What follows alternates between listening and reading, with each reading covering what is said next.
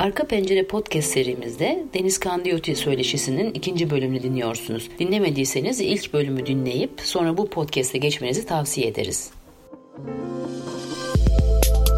Bizi Kısa Dalga Net ve podcast platformlarından dinleyebilirsiniz.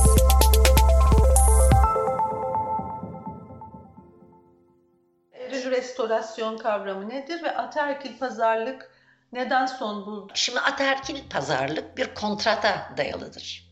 Kavram Bir olarak. Bir sözleşme. Tabii sözleşme. Yani bu sözleşme şu.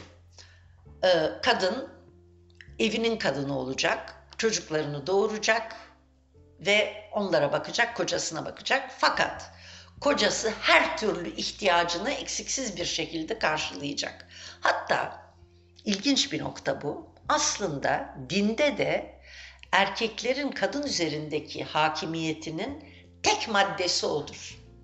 Yani Kur'an'a baktığınız vakit havama olarak havama veyahut da Arapça bir tane şey vardır. Çünkü erkekler kendi zenginliklerini kadınlara bakmak için harcarlar. Şimdi böyle olmayınca o hüküm düşüyor. Bilmem Evet, anlatabiliyor evet, hüküm düşüyor. Hüküm düşüyor. Yani bu e, Allah'ın emri olan erkek hakimiyetinin aslında doktriner olarak hiç böyle olmadığı anlaşılıyor. Aslında Türkiye'de çok yok ama İran'da, Mısır'da vesaire bu konuda çok teolojik şeyin çerçevenin içinde. Bir miktar tabii Türkiye'de de var bu çalışmayı yapan. Orta, evet, Orta Evet. Doğu üzerine ayrıca da konuşacağız. Evet yani. Dolayısıyla bu hüküm düşmüş oluyor.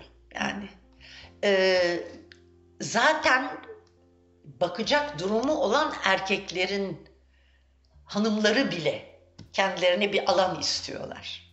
Ve onlar daha şanslı çünkü ay ben sana bir butik açayım bari diyor adam mesela sermayesi var. Bu ataerkil pazarlık çöktü. Ee, erkekler tarafından çökmesinin e, nedeni e, uzun yıllardır uygulanan neoliberal politikalar, işte onun Tabii, yarattığı rekabetçi ortam, işsizlik, yoksulluk gibi Tabii, şeyler. tabii tabii. Kadınlar Yani tarafından çözülmesi nedeni kadınların artan e, beklentileri, eğitime ilişkin, işte özel aile yaşamına ilişkin. Tabii bir de sadece o değil, bir de hani kültürel şeyde e, kültür e, diyelim e, dünyasında aşılanan özlemler insanlara. Özlemler tabii. Evet. Mesela Arap dünyasında Türk dizilerinin korkunç etkileri oldu. Hı hı. Çünkü e, hem işte Müslüman bir ülke iftar yemeğine gidiyorlar. Ondan sonra adam karısına diyor ki kusura bakma sevgilim özür dilerim kalbini kırdımsa diyor. Arap kadın bunu görüyor deliriyor kocasına gidiyor. Bak neler yapıyor diyor el alem tamam mı? Bir de öyle bir Evet. yani çok güzel bir dokümanter e, seyretmiştim. Türk dizilerinin şeydeki etkisi üzerine. Orta Doğu'daki etkisi. Dizi yüzünden karısını boşayan oldu Tunus'ta, Cezayir'de. Şimdi e, eril restorasyonla ilgili bir şey soracağım hocam. Bir eril restorasyon çabası ya da hamlesi olduğunu düşünmek gerekir değil mi? Yoksa Evet. bunun sağlamlaştığını, yeni bir sistem olarak işlemeye başladığını mı kastediyorsunuz? Yoksa kendisi de krizli bir hamle, hani bir Evet. çaba var ama sonuç almayan, sonuç vermeyen bir çaba var demek istiyorsunuz daha çok öyle değil mi? Kendisi krizli bir hamle. Evet. Yani devamlı bir şeyleri zorlamaya, ittirmeye. Şimdi bunun iki ayağı var. Bir ayağı devlet ayağı. Yani tepeden inme eril restorasyon. Bu da size bahsettiğim çeşitli ideolojik filan yollarla dayatılmaya çalışılan bir şey. Bir de halktan gelen eril restorasyon var. Ben ona sokağın eril restorasyonu diyorum. Bu şiddet olaylarında kendini çok belli eden bir durum. Yani bir takım erkeklerin kadınlar üzerinde kardeşi olmasa bile hiç tanımadığı bir kadın üzerinde adeta polis rolü üstlenmesi. Yani e, bu işi İran'da bile bazı özel polisler yapıyor. Alelade Mehmet Efendi, e, Ahmet Bey yapmıyor. Yani böyle bir e, kurallar içinde kıyafet disiplini olan İran'da bile Bu herkesin kendine tanıdığı bir hak değil. Ama Türkiye'de giderek bir nevi bireysel ahlak polisliği. e, ben ona sokaktan gelen eril restorasyon diyorum. Ama tabii ikisi birleşiyor. Çünkü e, kendisine sempatiyle bakılacağını hisseden adamlar belki daha rahat hissediyor. Yani ben öldürürüm, biraz yatsam bile cezam çok veya namusum derim, hafifletici sebep diye atlatırım. Yani böyle bir güven de var. Yani bazı odakların e, kendisine şey çıkacağı şeklinde, arka çıkacağı şeklinde. O zaman işte alttan gelenle şey birleşiyor. Ama bu stabil bir rejim değil. Sürekli çekişme ve tepki yaratan, devamlı tepki yaratan ve geri tepki yaratan bir sistem. Aslında kendisi tepkisel olan bir sistem. Kendisi Şimdi tepkisel olan bir sistem. şöyle bir problem çıkıyor e, feminist literatür açısından. Şimdi birçok kişi için e, şiddet, e, kadına yönelik şiddet, e, ataerkil e, sistemin kurucu yapısal bir unsuru. E, onu bir kriz semptomu olarak değerlendirince siz ve ben de bir kriz semptomu olarak değerlendiriyorum. e, bir tartışmaya yol açıyor ya da bir kafa karışıklığına. Hı. Yani şiddet olağan bir sistemin bir parçası mıdır? Olağan ataerkilliğin e, normal bir parçası mıdır? Kadınlara yönelik şiddet. Yoksa e, olağan ataerkilliğin krizinin yani bir kriz durumunun bir semptomu mudur? E, bu konuda ne E, düşünüyorsunuz? şimdi şöyle koymak lazım bunu. Şiddetin aynı şiddet olmadığını iddia ediyorum. Evet aynı şiddet o. Değişen şiddet kalıplarının yani klasik ataerkillik diyebileceğimiz sistemin kendine özgü bir şiddet rejimi vardı. O nasıl bir şeydi? Bu şiddet çok? bu şöyle bir şeydi. Ee, kolektif grupların aşiret, aile, mahalle gibi birimlerin kadınların kontrolü üzerinde iddialarının vücut bulması. Genellikle namus kavramı etrafında.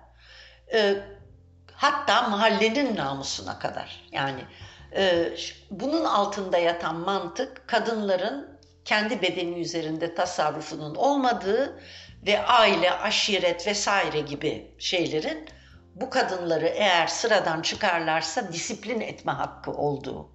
Dolayısıyla çoğu şiddet aşiretin içinde, ailenin içinde, köyün içinde, mahallenin içinde olurdu. Birbirini tanımayan insanlar şiddet yani normal hani cinayet şu bu ama spesifik bir kadına karşı toplumsal şiddet yoktu, az görülüyordu. Fakat böyle bir toplumsal şiddet salgını başladı. Hatırlarsanız Meksika'da başladı o. Meksika'nın Amerika Birleşik Devletleri sınırında birçok fabrika kuruldu. Export için. 80 sonrası Evet. yapısal. Ve orada tabii bütün e, genç birçok kadın çalışıyordu orada. Ve bir ara bir cinayet salgını çıktı. Salgın gibiydi. Peş peşe peş peşe peş peşe bu kadınlar öldürülüyordu. Kim tarafından? Belli değil. Bir takım erkekler tarafından. Tabii ister istemez fabrikaya gidiyorlar, geliyorlar, geziyorlar, şu bu. Ve böyle salgın halindeydi. Aynı şekilde Güney Afrika'da da böyle müthiş bir toplumsal şiddet.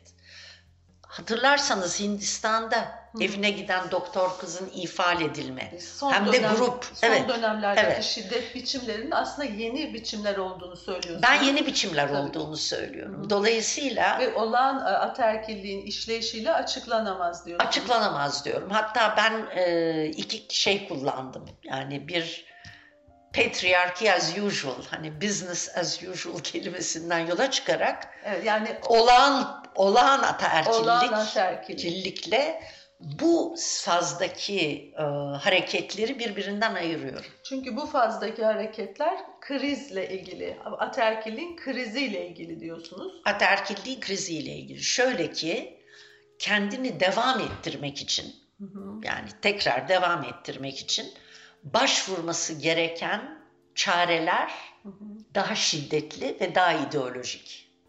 Ya bütün şeyleri seferber edeceksin. Ee, işte bütün kurumları seferber edip bir şekilde o baskıyı uygulayacaksın. Yahut da düpedüz yalın şiddet. Ha şimdi hegemonya kavramını düşündüğünüz zaman yani içselleştirilmiş bir sistemin işleyişini hegemonya şiddet gerektirmez. Evet ya da şiddet tehdidini içerir. İçerir ama, ama günlük hayatta İlla- yalın şiddete başvurmaya çok gerek yoktur. Çünkü kadınlar zaten özümlemiştir, yerlerini bilir. Zaten seçenekleri yoktu. Boşamak istese gidecek yeri yoktur. Evine gitse kendi annesi babası kabul etmeyecek vesaire. Yani sistem öyle bir şekilde çalışıyor ki zaten pasif pasif duruma düşürüyor şeyi. Yani şey durumunda olanı, e, şiddet göreni. Şimdi tabii farklı bir şey çıkıyor. O da niye? Çünkü kadınlar artık ortalıkta. İstesen de istemesen de en şey ülkelerde bile, cins ayrımının olduğu ülkelerde bile çocuğunu okula götürüyor, pazara gidiyor, çarşıya gidiyor, şeylere katılıyor yerinde işte şeyde Arap Baharı'nda gördüğümüz gibi bir takım protestolara katılıyor. Yani bir sosyal aktör olarak kadınlar ortada. Yani eskisinden çok daha fazla ortada. Evet. Dolayısıyla köyün, mahallenin, sokağın koruyuculuğu meselesi de kırıldı fiilen. Dolayısıyla çok farklı beklentileri, çok fazla değişik kalıpları olan bir takım insanlar bir arada. Evet. Hocam peki e, AKP döneminin özellikle son e, dönemlerin öne çıkan e, bu dinsel İslami vurgusu ve tabii ki otoriterleşmeyle birleşen vurgusu toplumsal cinsiyet ilişkileri üzerinde nasıl etkiler yaratıyor sizce? Bu krizi arttıran bir şey mi? E, nasıl etkiler yaratıyor acaba? Şimdi bir kere böyle bir e, girişim olduğu vakit bundan ekmeğini yiyen bir kesim doğuyor ister istemez. Büyük bir vaize grubu vesaire, e, çalışanlar grubu, o işte çeşitli aile irşat ve danışmanlık şeylerinde çalışanlar, bu sektörlerde, ideolojik sektörlerde çalışanlar. Ama hayret edilecek şekilde benim tanıdığım vaizelerin bir kısmı yani o kadrolarda bile Hmm. e, çok değişik ele alışlar oluyor. Mesela Ankara ekolünden çıkanlar hı. çok daha modern, çok daha açık görüşlü, kadını eve hapsetme konusunda hiç şey sıcak bakmayan, yani yeknesak bir şey çıkmıyor. Yani o kadar işlemeyebiliyor ki Evet çok güzel. Nitekim e, tabii Türkiye çok küreselleşmiş bir sistemin parçası olduğu için e, rejimin kendi içinde çatlamalar olabiliyor. Bir örnek verelim hemen. E, hükümetin desteklediği kadın STK'larının başında gelen kadem tabii birçok STK gibi bir takım Avrupa projelerine katılıyor. Bir takım yabancı donörlerin desteklediği projelerde çalışıyor. Geçenlerde bir basın açıklaması yaptılar. Avrupa fonlarını kabul ettiler. Diğer e, fonları başka yabancı fonlara başvurmadıklarını, Başvurmadıklarını söylediler. söylüyor. Her neyse. Haber podcastle buluştu. Kısa Dalga Podcast. Kulağınız bizde, kısa dalgada olsun.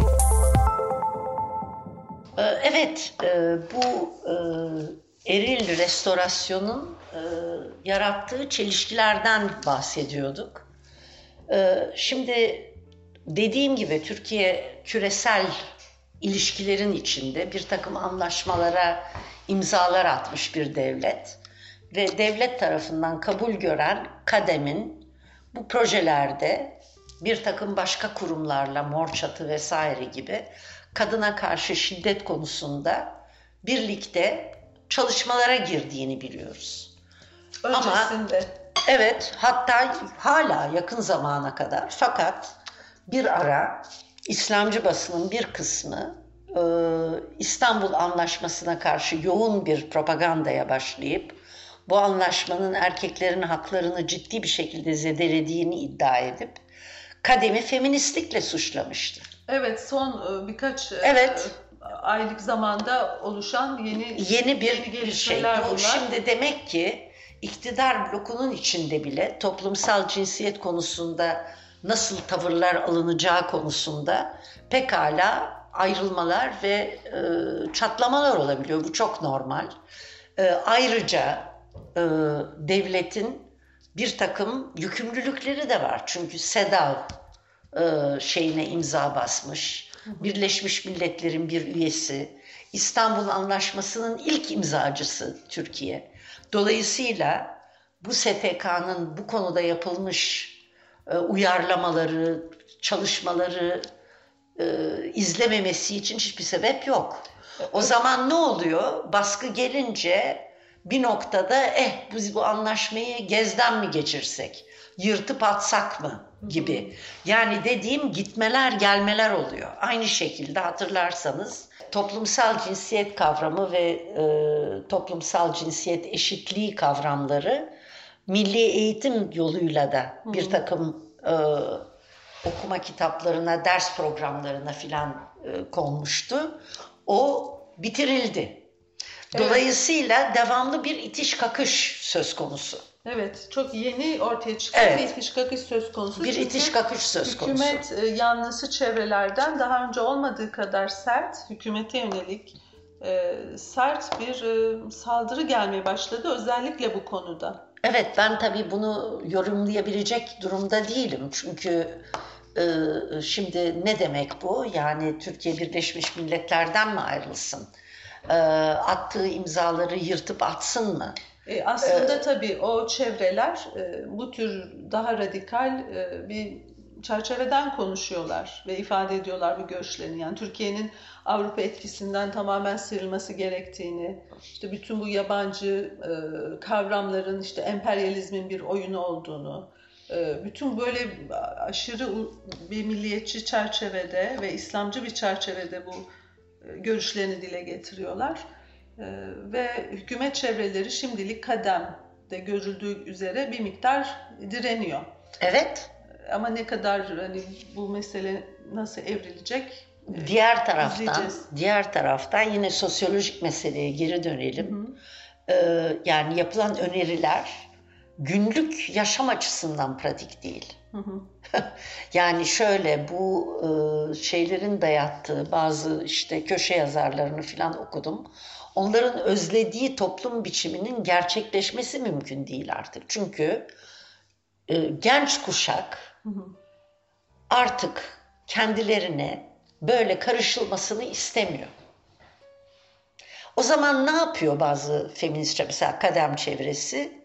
Ee, geylere karşı çok açık tavır koyarak Hı hı. ve geylere karşı cephe alarak ve aile söylemini pompalayarak Evet.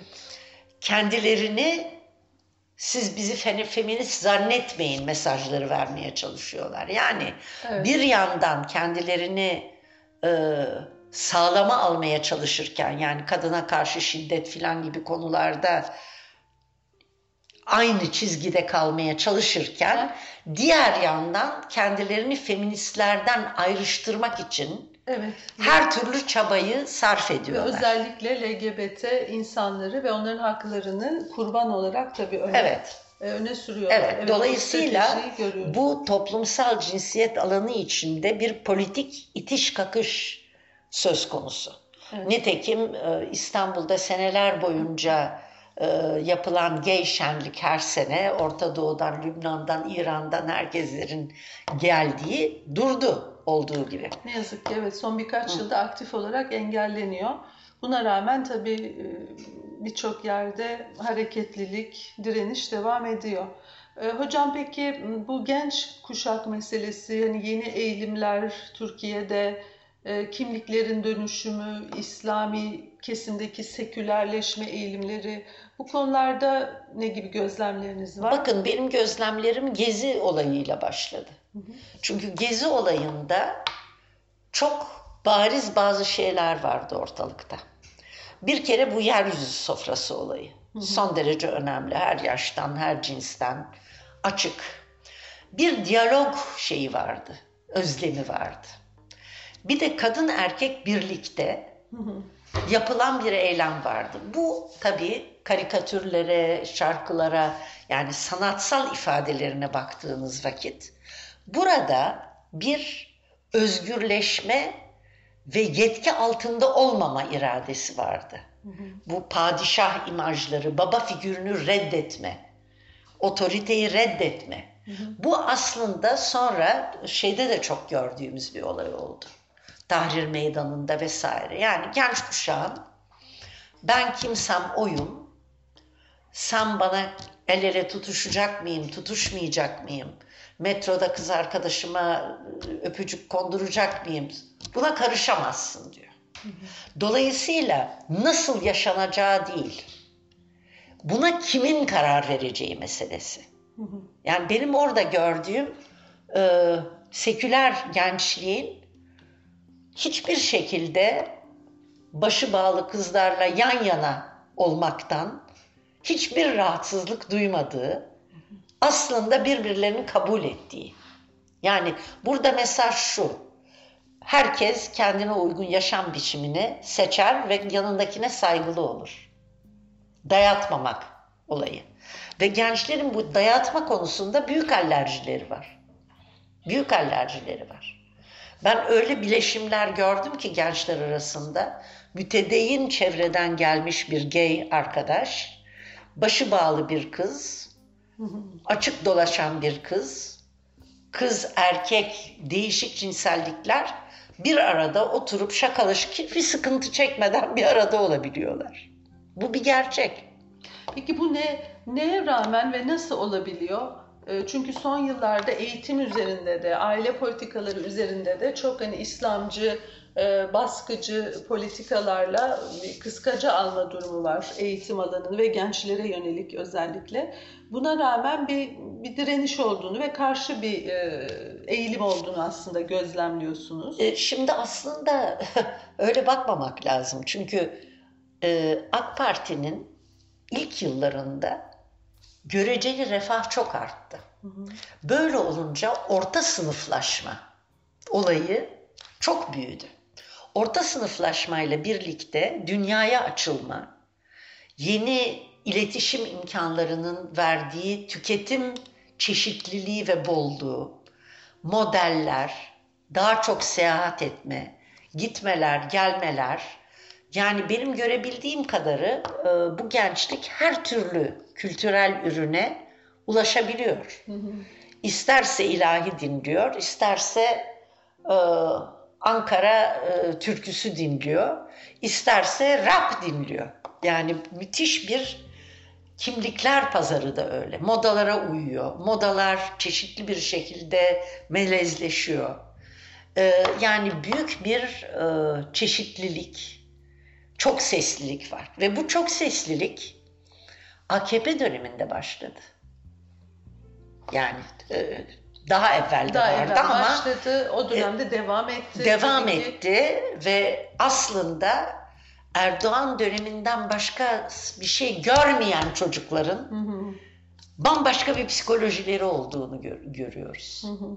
Yani ben tabii e, artık üniversitede öğretim üyesi değilim. Buradaki öğrencileri tanıyorum ama gidip gelerek tanıdığım hı hı. üniversiteli gençler beni çok şaşırttı. Yani başka bir şey daha var tabii. Böyle giderken sistemin değişmesiyle birlikte bu gençler önlerinin kapandığını hissettiler. Hı hı. Biraz da o öfke yarattı. Bu önü kapanma meselesi de o şeyin e, hiç unutmuyorum Gezi'de liseliler de vardı. Hı. Ve sınavların çalınması, yolsuzluk yapılması ayyuka çıkmıştı. Evet. Ben çalışsam ne olacak? Diploma alabilecek miyim? Tabii. Mezun olursam iş bulabilecek miyim? Yani artık Türkiye'de uzun zaman ciddi bir meritokrasi oldu. Yani insanların hangi şeyden gelirlerse gelsinler yani Cumhuriyet'in yarattığı eğitim sisteminin en büyük hediyesi büyük bir sosyal hareketlilikti. Yani Demirel gibi köy kökenli insanlar teknik üniversiteden mühendis olarak? Şimdi baktığınız vakit bütün başa geçenlerin kökenlerine baktığınız vakit hepsi o eğitim sisteminin yarattığı imkanlardan faydalanarak sınıf atlamış insanlar. Şimdi bırakın sınıf atlamayı, kendi sınıfından yeniden üretmekte zorlanan kesimlerle beraberiz. Evet. Ve hatta aşağı doğru hareketlilik, Aşağı doğru. orta sınıfların kayması, Evet. eğitimin çöküşüyle birlikte özel eğitimi yapacak, özel eğitimin kalitesi de iyi değil ama çok pahalı bir eğitim. Dolayısıyla beklentileri çok çoğalmış, modelleri çok çoğalmış fakat imkanları giderek daralan bir genç kesim var. Evet. Bu genç kesim tabii isyan ediyor. Ve tabii gençler her zamanki gibi çok şeydir. Bir falsoyu hemen yakalıyorlar. Yani yolsuzluk, haksızlık bu tip meselelerde çok duyarlılar. Dolayısıyla tamam biz genciz ama bizi ne bekliyor? O şey de var. Ee, bütün bunlar tabii bir araya gelince ortaya büyük bir e, radikal potansiyel ortaya çıkıyor ister istemez. Evet, çok güzel. O halde içinden geçmekte olduğumuz bütün bu karanlığa rağmen hem küresel düzeyde hem Türkiye'de özellikle geleceğe dair e, biraz umutlu olduğunuzu görüyorum gençler üzerinden, kadınlar üzerinden. Öyle diyebilir miyiz? Yani umutlu musunuz? Şimdi şöyle, e, insan birikimi olarak tabii umutluyum. Yeni bir genç kuşak var. Bu genç kuşağın birçok konuda, kadın erkek ilişkileri olsun, her konuda çok farklı bakış açıları var, çok farklı beklentileri var. Ama daha az umutlu olmamın sebebi şu. Bu birikim var ama bunu nasıl kanalize edeceksiniz? Çünkü kurumları yıkmak çok kolay. Yerine yenilerini koymak hiç kolay değil. Eğitim sistemine bakalım. Eğitim sisteminin artık parasız e, milli eğitim kavramı çoktan bitti. E, eğitim kalitesi çok düştü bildiğiniz gibi bütün PISA skorlarına filan göre.